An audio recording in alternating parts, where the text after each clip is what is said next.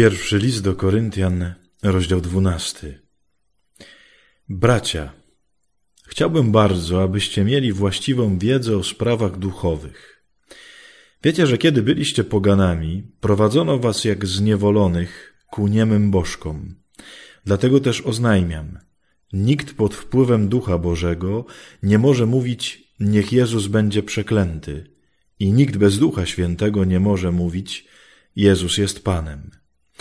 Różne są dary, ale duch jest jeden. Różne są posługi, ale Pan jest jeden.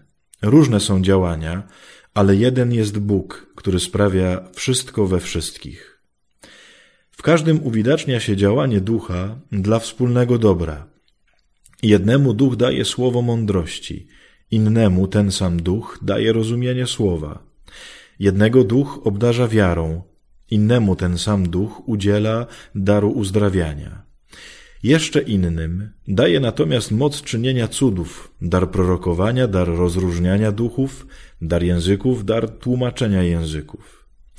A wszystko to daje jeden i ten sam duch, rozdzielając każdemu, jak chce.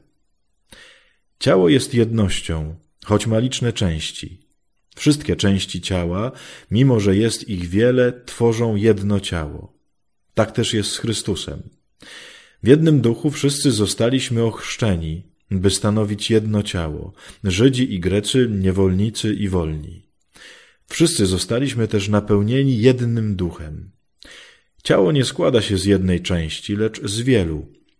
Gdyby noga powiedziała, ponieważ nie jestem ręką, nie należę do ciała, czy mimo to nie należałaby do ciała? Albo gdyby powiedziało ucho, ponieważ nie jestem okiem, nie należę do ciała, to czy mimo to nie należałoby do ciała? Gdyby całe ciało było okiem, to gdzie byłoby ucho?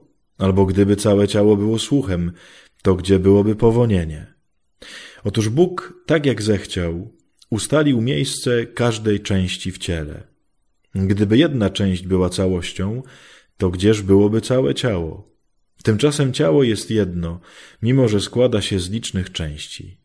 Nie może więc oko powiedzieć ręce, nie potrzebuję ciebie, ani głowa nogom, nie potrzebuje was. Owszem, te części ciała, które wydają się najsłabsze, są konieczne. Te części ciała, które uważamy za mniej szacowne, otaczamy większym szacunkiem, a wstydliwe większą troską. Szlachetne nie wymagają takiej troski.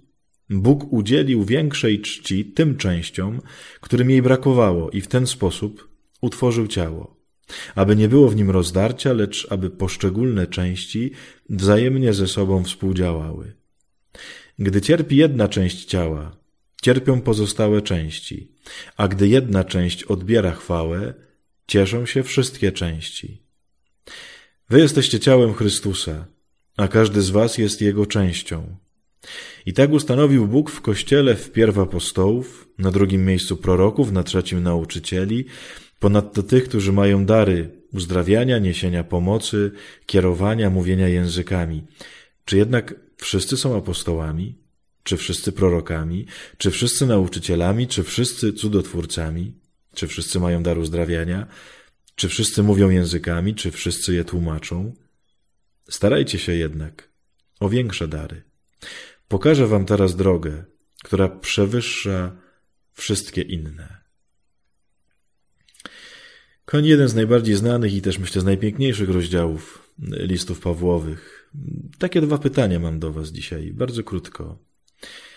Po pierwsze, pomyśl o jakimś talencie, o jakiejś zasłudze, takim czymś, co, nie wiem, podziwiasz albo zazdrościsz innym ludziom. I pomóc się dzisiaj dziękując Bogu za to, że oni mają te dary, że mogą nimi służyć. Czyli nie patrz zazdrością, nie patrz, y, nie wiem, z jakimś nieprzychylnym okiem, tylko podziękuj dzisiaj, tylko jakieś konkretne rzeczy. Weź konkretnych ludzi, ich konkretne uzdolnienia, ich konkretne dary, może charyzmaty, jakieś umiejętności. I podziękuj Bogu za to, szczególnie za takich ludzi, których może nie lubisz, a mają takie dary. A po drugie, podziękuj za siebie. Podziękuj za to, co ty masz. Doceń to. Zobacz, co ty masz. Nie mów sobie, ja to nic nie mam, inni mają. Tylko spróbuj na siebie przez chwilę popatrzeć, czym cię Bóg obdarzył i podziękuj właśnie za to.